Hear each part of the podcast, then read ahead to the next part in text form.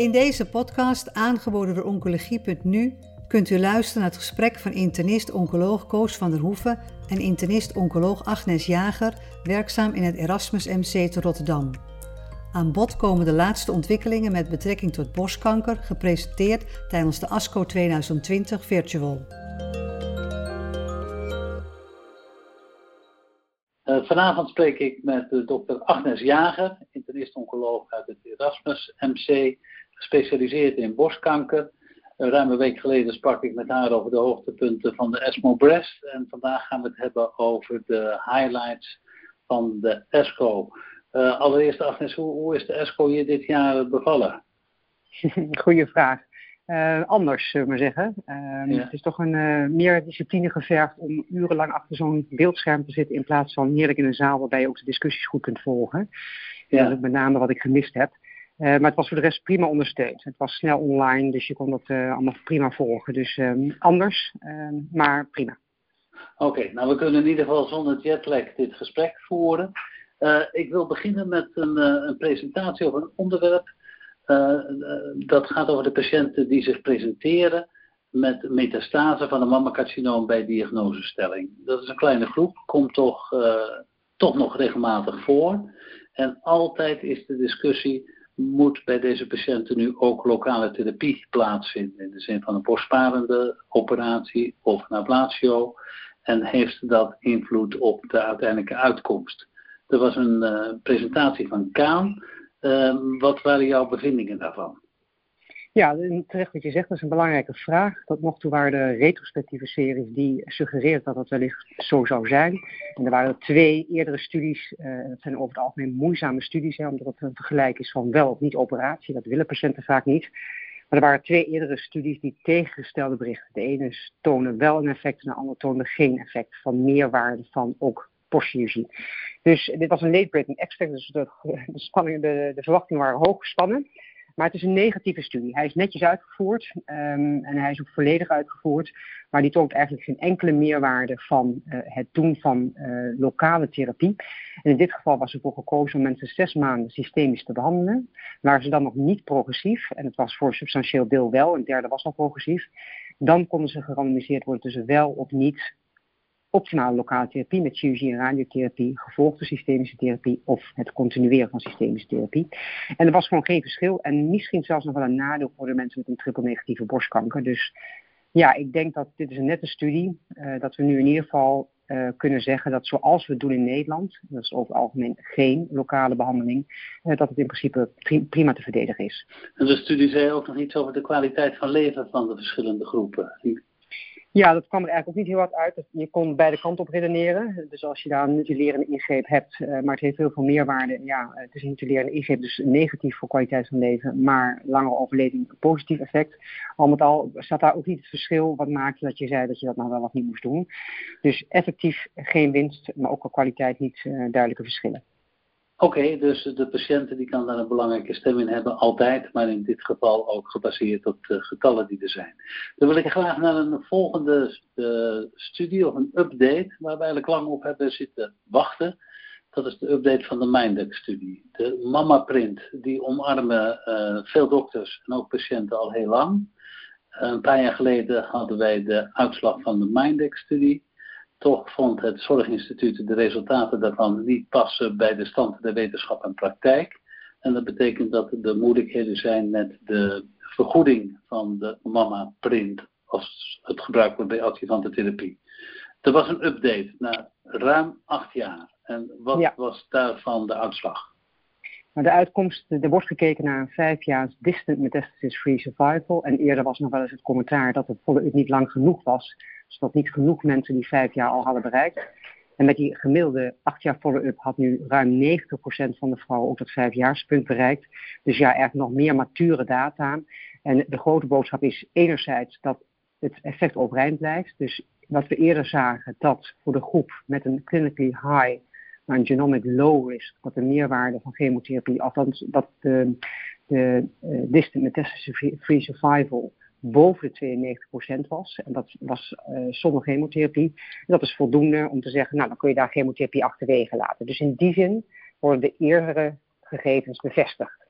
Maar een belangrijke andere vraag was, is dat de TeleX, hè, dus wordt um, Amerikaanse versie van de MindAct, net iets andere opzet uh, en met een andere test, dus niet de Mama Print, maar de Oncotype DX. Uh, daar werd um, gesuggereerd dat er misschien toch ergens bij vrouwen onder de 50 um, wat voorzichtiger omgegaan zou moeten worden met de interpretatie en het achterwege laten van chemotherapie uh, op basis van een um, genexpressieprofiel. Dus er werd ook specifiek aandacht aan besteed hier. En uh, ja, dan zie je toch wel iets bijzonders. In die zin dat boven de 50 blijft dat effect onverminderd. Onder de 50 dan zie je toch bij langere follow-up, en dat is eigenlijk met name na vijf jaar, zie je de curves voor de vrouwen in die groep, dus genomic uh, klinisch hoog risico, maar genomic laag risico, dat er toch wel wat meerwaarde is van chemotherapie in die arm na vijf jaar. Um, en uh, misschien kan ik er nog aan toevoegen dat degene die dat presenteerde, dat was uh, Cardoso, die zei ja, dat is een laat effect en dat is pas na vijf jaar treedt dat op. Dus dat zal geen chemotherapie effect zijn. En waarschijnlijk is dat het effect van uitschakeling van de eierstokken bij die jonge vrouwen die wel chemotherapie kregen, ten opzichte van de vrouwen die alleen endocrine therapie kregen. Ja, de vraag is dat, of dat zo is natuurlijk. Dat is, dat is niet helemaal zeker. Maar voor de, voor de groep ouder dan 50 jaar blijven de getallen zoals die waren. En um, ja, als de kans uh, 92% is dat je ziektevrij bent, dan is er ook niet zoveel te winnen met extra chemotherapie. Denk je dat, dat dit nou bijdraagt aan besluitvorming over de vergoeding van de mama print? Of vind je dat dit, dit de bewijskracht nog harder maakt? Nou um, ja, dat, ik vond de bewijskracht voldoende. Uh, dus in die zin voegt dit niks toe, is het alleen een bevestiging van eerder. Um, zal dit uiteindelijk door uh, het Zorginstituut leiden tot een andere besluitvorming? Ik denk het in die zin niet, want de kritiek was primair ook echt gericht op het studiedesign. En ja, dat is daar niet meer weggenomen. En um, uh, de uitgangspositie om in die groep te kijken of je zonder chemotherapie goed genoeg doet, dat is gewoon een hard gegeven. En daar kunnen ze niet omheen, denk ik. Ja. Maar nogmaals, ik weet niet of dat nu dan wel massaal gaat leiden uh, tot vergoeding. Ik denk die 50-jarige leeftijdsgrens, dat verschil dat moet verder uitgediept worden. Mijn zin is dat niet een reden om het onder de vrouw van 50 niet te doen. Dat nee. vind ik wel een belangrijke toevoeging. Er blijven hele uh, kleine verschillen. Ja, oké. Okay. Goed, wordt, uh, de discussie wordt in ieder geval vervolgd, maar het is goed om te horen dat uh, met langere follow-up de resultaten vrijwel hetzelfde zijn. Een, een, belangrijke Nederlandse inbreng was de Train 2-studie.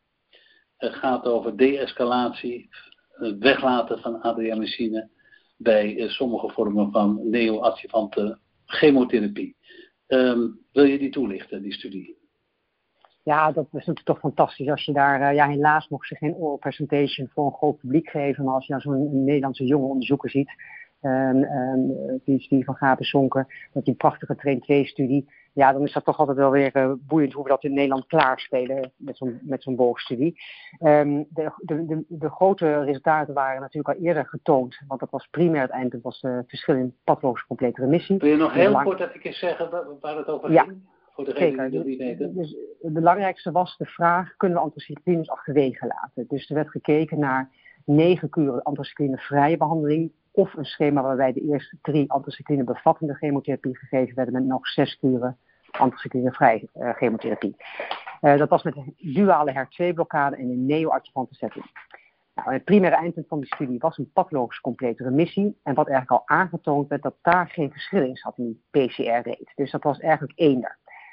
Uh, nou, dat is altijd de belangrijke vraag hoe goed voorspelt een PCR ook daadwerkelijk de lange termijn uh, uitslag. En dat weten we eigenlijk onder de HER2-positieve al heel goed. Dat is een hele belangrijke surrogaat eindmaat voor langetermijnsdata. Maar dat werd nog eens bevestigd door de, de, de data die getoond werden. Want nu toonden ze de driejaars event-free survival. Um, en wat daaruit bleek is dat dat precies overeenkomstig was. Een, een fantastisch resultaat met 93,7% en 92,7%. Dus ja, die mensen doen het fantastisch goed. En belangrijker, er was geen toegevoegde waarde van anticycline. En misschien was het nog wel een heel klein beetje ongunstiger, want er was iets meer cardiotoxiciteit verwacht je ook met die anticyclines. En een heel klein beetje meer mensen die um, uh, een tweede uh, hematologische maligniteit kregen. Dus, ja. En voor de, voor de goede orde, conclusies kunnen we trekken over neoadjuvante chemotherapie in combinatie met HER2-blokkade bij HER2-positieve patiënten. En dan luidt de conclusie dat op basis van deze getallen anticyclines niets toevoegen aan de resultaten, aan de vooruitzichten. Is dat correct? Ja, dat is in die zin correct. Er was uh, initieel bij die PCR waren er twee kritiekpunten. Denk ik enerzijds, het is nog maar de PCR en is dat wel een goede translatie voor lange termijn? Nou, dat blijkt dus zo te zijn. Een ander argument is dat misschien dat het een, een tweede, uh, een fase 2 studie is. Nou, dit komt heel erg overeen als een grote fase 2 studie met eerdere data, als een adjuvante studie. En ook daar bleek het anthracycline-vrij schema even goed als anthracycline, ook voor hoogrisicopatiënten. Want dat is vaak nog een soort nou ja, misnomen dat mensen denken, ja, bij hoog risico moeten we toch maar die anthracyclines toevoegen. Ook die groep kwam er zeker niet slechter en misschien nog wel numeriek ietsje beter uit. Jij staat in de frontlinie bij uh, het mammacarcinoom. Vind je dat we nu voldoende gegevens hebben of vind je dat we nog steeds ook anthracyclines moeten toepassen totdat de follow-up uh, eh, 20 jaar is?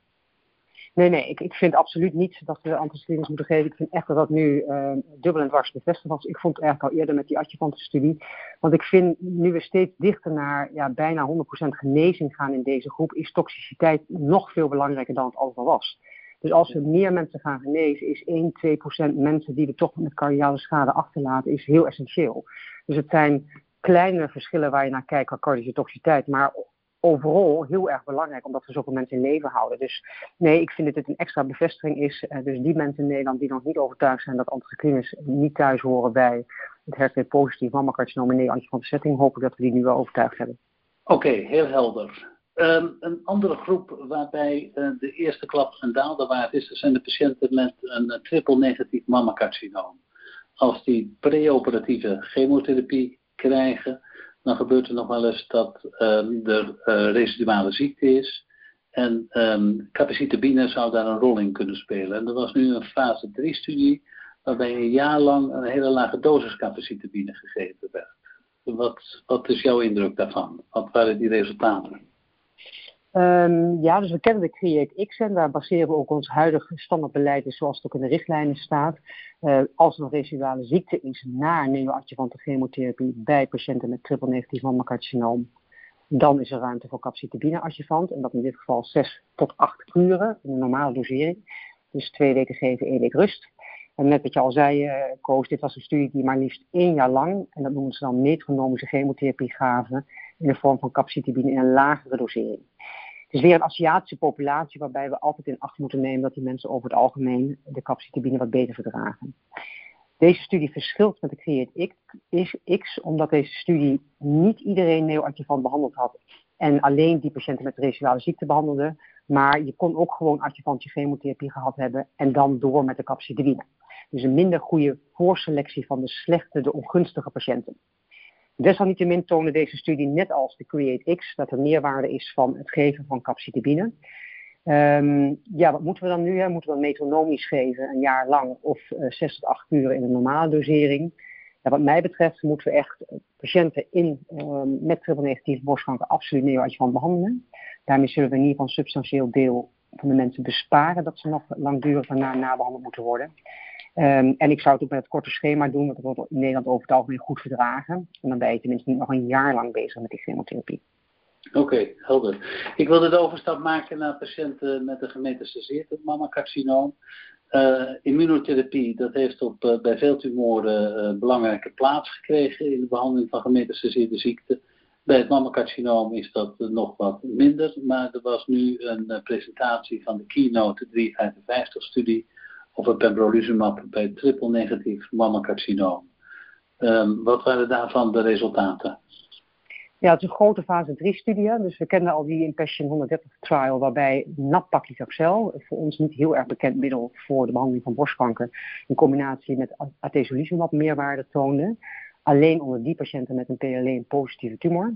Dus we weten al dat immunotherapie wat doet. Uh, maar ik denk een hele belangrijke vraag is hoe gaan we nou die groep identificeren die daar werkelijk baat bij heeft. En PLA1-meting is één, maar daar hebben we er heel veel van en moeten we misschien toch naar een andere maat. Dat is een belangrijke vraag. Hoe identificeren we die groep en, en uh, ja, met welk uiteindelijk uh, combinatie chemotherapie kunnen we dat combineren? De Keynote 355-studie toonde chemotherapie gekozen door de physician. En dat kon dan zijn carboplatin met gemcitabine, nab-paclitaxel of paclitaxel. En nogmaals, dat kon de uh, dokter zelf beslissen. En dat altijd niet gecombineerd met pembrolizumab. Er was geen voorselectie. Dus in die zin niet alleen de PLN positief, maar uiteraard werd daar wel weer naar gekeken. En het waren onbehandelde patiënten. Omdat we eigenlijk wel weten, als we immunotherapie geven, moeten we het vroeg doen. En wat deze studie toonde, is dat het een duidelijk verschil gaf op de progressievrije overleving van ruim vier maanden toename. Uh, dus in die zin is het echt een positieve studie. Maar dan wel in die groep die wederom een PLN-expressie had. Ze hebben hier een andere maat gebruikt. Uh, ze hebben hier naar um, PLN-expressie niet alleen van tumorcellen, maar ook van omliggende cellen gekeken. En ja, daar hebben ze dan weer een speciale score voor.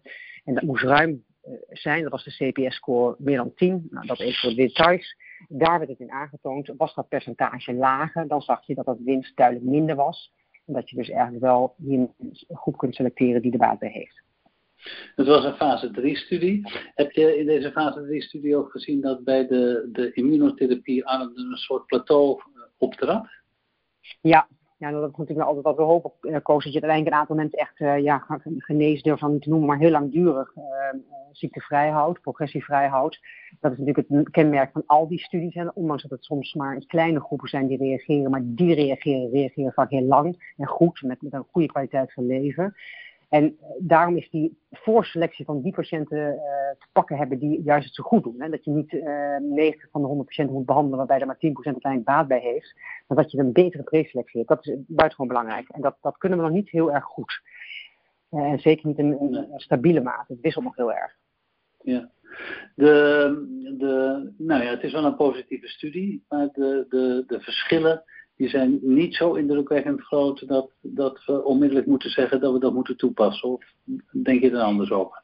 Nou, kijk, wat belangrijk is, dat was ook zo in die uh, in Passion 130 trial, die progressievrije overlevingsverschillen zijn zo dat je denkt, nou, moeten we daar nog wel voor doen? Maar als je naar de overall survival kijkt, dan zie je daar een veel groot verschil ontstaan.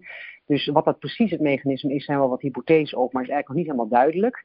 Maar wat je hier zag bij deze studie, was er al wel duidelijk een nou ja, substantieel verschil met een hazard ratio van 0,65. Nou, dat is toch mooi in deze ja. moeilijk te behandelen groep. En dat plateau wat je net noemde.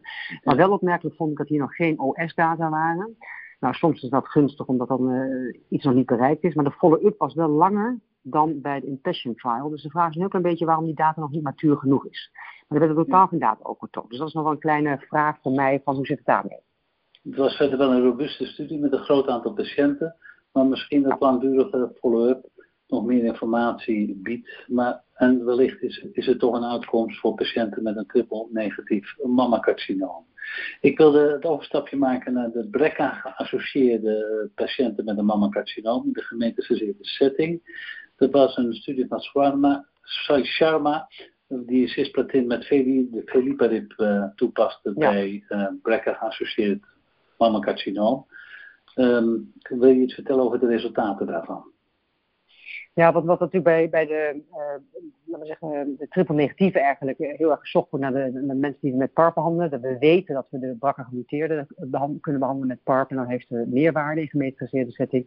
Maar we hopen ook nog een groep te kunnen ontdekken die BRCA-like is, om te kijken of we die PARP indicatie kunnen verbreden. Dat zou mooi zijn, want het zijn middelen over het algemeen met goede tolerantie en uh, in tabletvorm. Uh, en er zijn twee studies inderdaad getoond, die, die SWOG 14-16-studie. Wat uh, zij hebben gedaan, ze hebben een speciale maat voor de HRD, dus de homologe recombinatiedeficiëntie, die BRCA-like, uh, hebben zij gekozen. Nou, er zijn er vele van, dit was een soort samengestelde maat. En wat zij hebben gedaan, ze hebben gekeken onder de BRCA-gemuteerde en onder de, laten we zeggen, de samengestelde maatje BRCA-like tumoren of naast cisplatin van meerwaarde had om de parpiremifiliparib toe te voegen. En het opmerkelijke was dat bij de BRCA-mutaties dat dat niet was. En ja, dat is, dat is een veel, uh, hebben we al eerder gezien onder het carboplatin. Waarschijnlijk is het zo dat bij dat soort tumoren eigenlijk geen additionele waarde is naast een sterke uh, dubbelstrengsbreuk indicerende chemotherapie. Dus PARP toevoegen aan een plaatsing is niet zo heel simpel in die groep. Maar in deze studie leek het wel van meerwaarde om die combinatie te geven bij mensen die een BRCA-like tumor hebben. Ja, um, ik weet niet zo heel goed wat ik met die uh, data moet, omdat die samengestelde maat, ja, uh, vond ik nogal lastig. Dus ja, ik, ik, ik, zou deze studie echt in full paper moeten zien om, om te kijken wat ik, hoe dat nou precies moet Hoe laten bestudeerd worden. Misschien nog een opmerking, er komt binnenkort een, e-learning van de NVMO over moleculaire diagnostiek. En er zal ook dat brek aan lijk nog een keer speciaal belicht worden. Dus voor de mensen die daar belangstelling voor hebben, die kunnen daar binnenkort meer over horen in die e-learning. Mooi. Er was ook een presentatie over olaparib alleen bij deze categorie patiënten. Ja, wat daar natuurlijk aantrekkelijk is, dat je alleen olaparib geeft. En dat is precies wat je beoogt, dat je juist geen chemotherapie nodig hebt. En dat vind ik het veel eleganter aan die uh, TBCRC 048-studie, zo heette die. Wat zij gedaan hebben, ze hebben gekeken naar genen die ook met HRD te maken hebben. Om te kijken als daar een germline mutatie in staat, of daar misschien een groep te identificeren was die baat heeft bij monotherapie parpremmen, in dit geval olaparib. En ze hebben datzelfde gedaan bij somatische mutaties. Met andere woorden, die mutatie die in de tumor zelf vindt. Dus niet als aangeboren, maar in de tumor zelf. Ehm, en wat daar echt opmerkelijk was en echt ja, mooi en, en veelbelovend, dat als je een, sprake is van een PALB2-mutatie, en dat is een bekende mutatie die als mensen gescreend worden voor erfelijke borstkanker tegenwoordig meegenomen wordt, uh, dat die mensen het verdraaid goed deden op monotherapie olaparib. Dat was een soort 100% clinical benefit, maar ook een 80% response rate. Nou, dat is exceptioneel hoog. Het zijn hele kleine aantallen. Uh, en ook het PALB2 komt heel weinig voor, maar dit lijkt echt een groep die daar heel veel baat bij heeft. Uh, Kennen wij die patiënten, Agnes? Ja, die komen nu langzaam in zicht. Hè? De, mensen die vroeger ja, op Als je het niet aanvraagt, weet je het niet. Wat zeg je? Als je het niet aanvraagt, weet je het niet. Uh, nou, je krijgt, ja, je krijgt het echt gratis bij. En als je mensen nu naar klinisch genetica stuurt, dan wordt naast BRCA1 en BRCA2 wordt ook check 2, uh, PALB2 uh, aan de ATM uh, gescreend, eigenlijk landelijk. Dus dat krijg je er gratis bij. Nou, ik denk niet dat dit meteen tot registratie leidt, maar dit is wel iets wat in een soort drukconstructie zou kunnen. Belangrijk is wel de check-2 de check mutatie die vaker voorkomt. Helaas toonde die totaal geen effect van de PARP-remmen. Dat was dan weer jammer, maar die PALB2 is hoopgevend. Oké. Ik wil nog even met je praten over Alpedicip.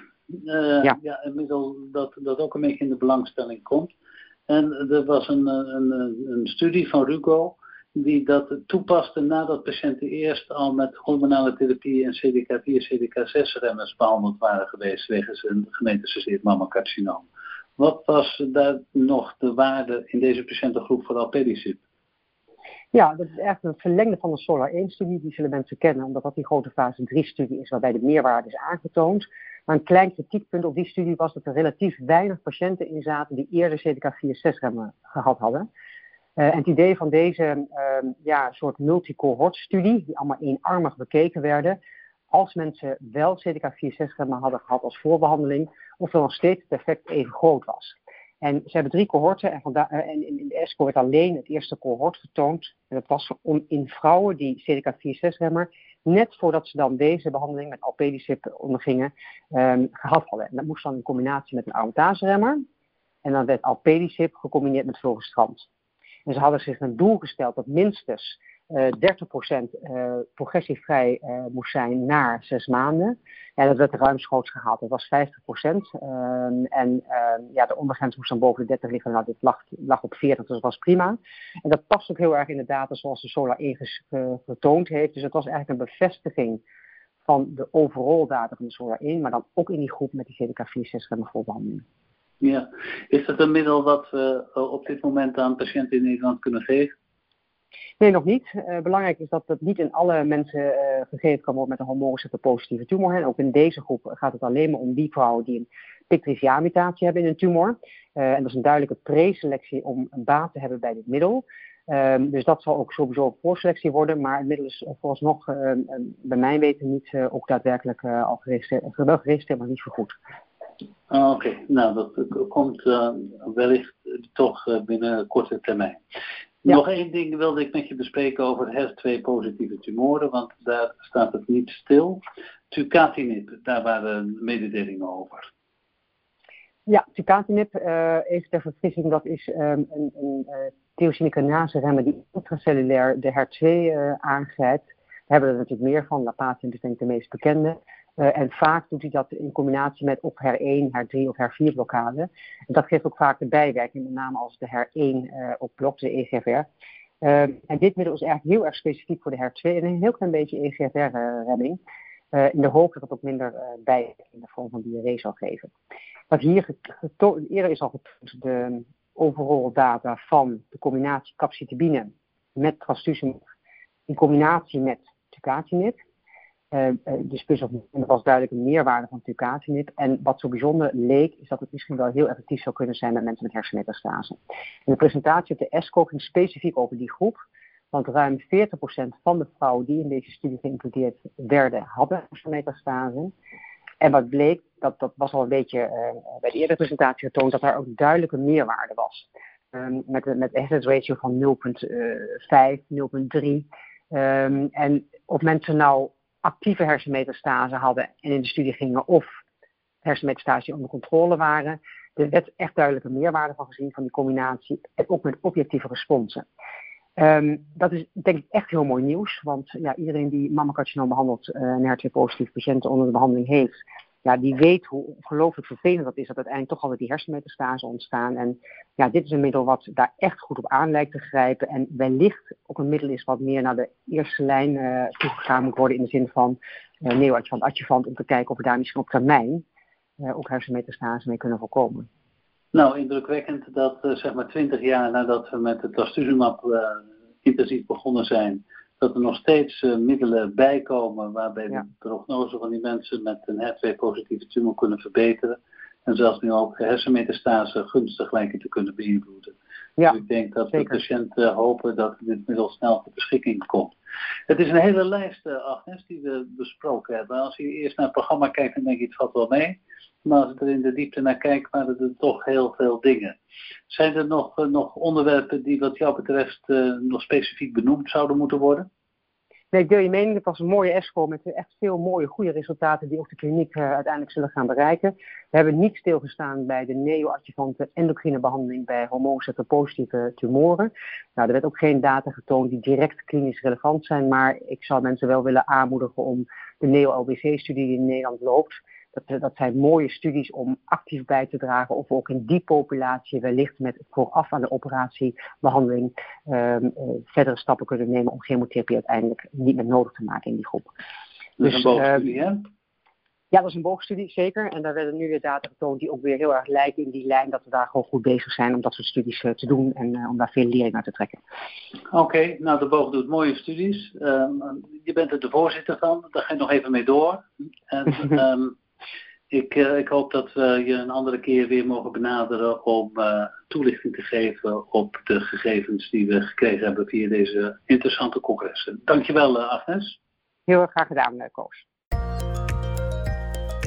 Bent u geïnteresseerd in meer podcasts? Deze zijn te vinden op de website oncologie.nu.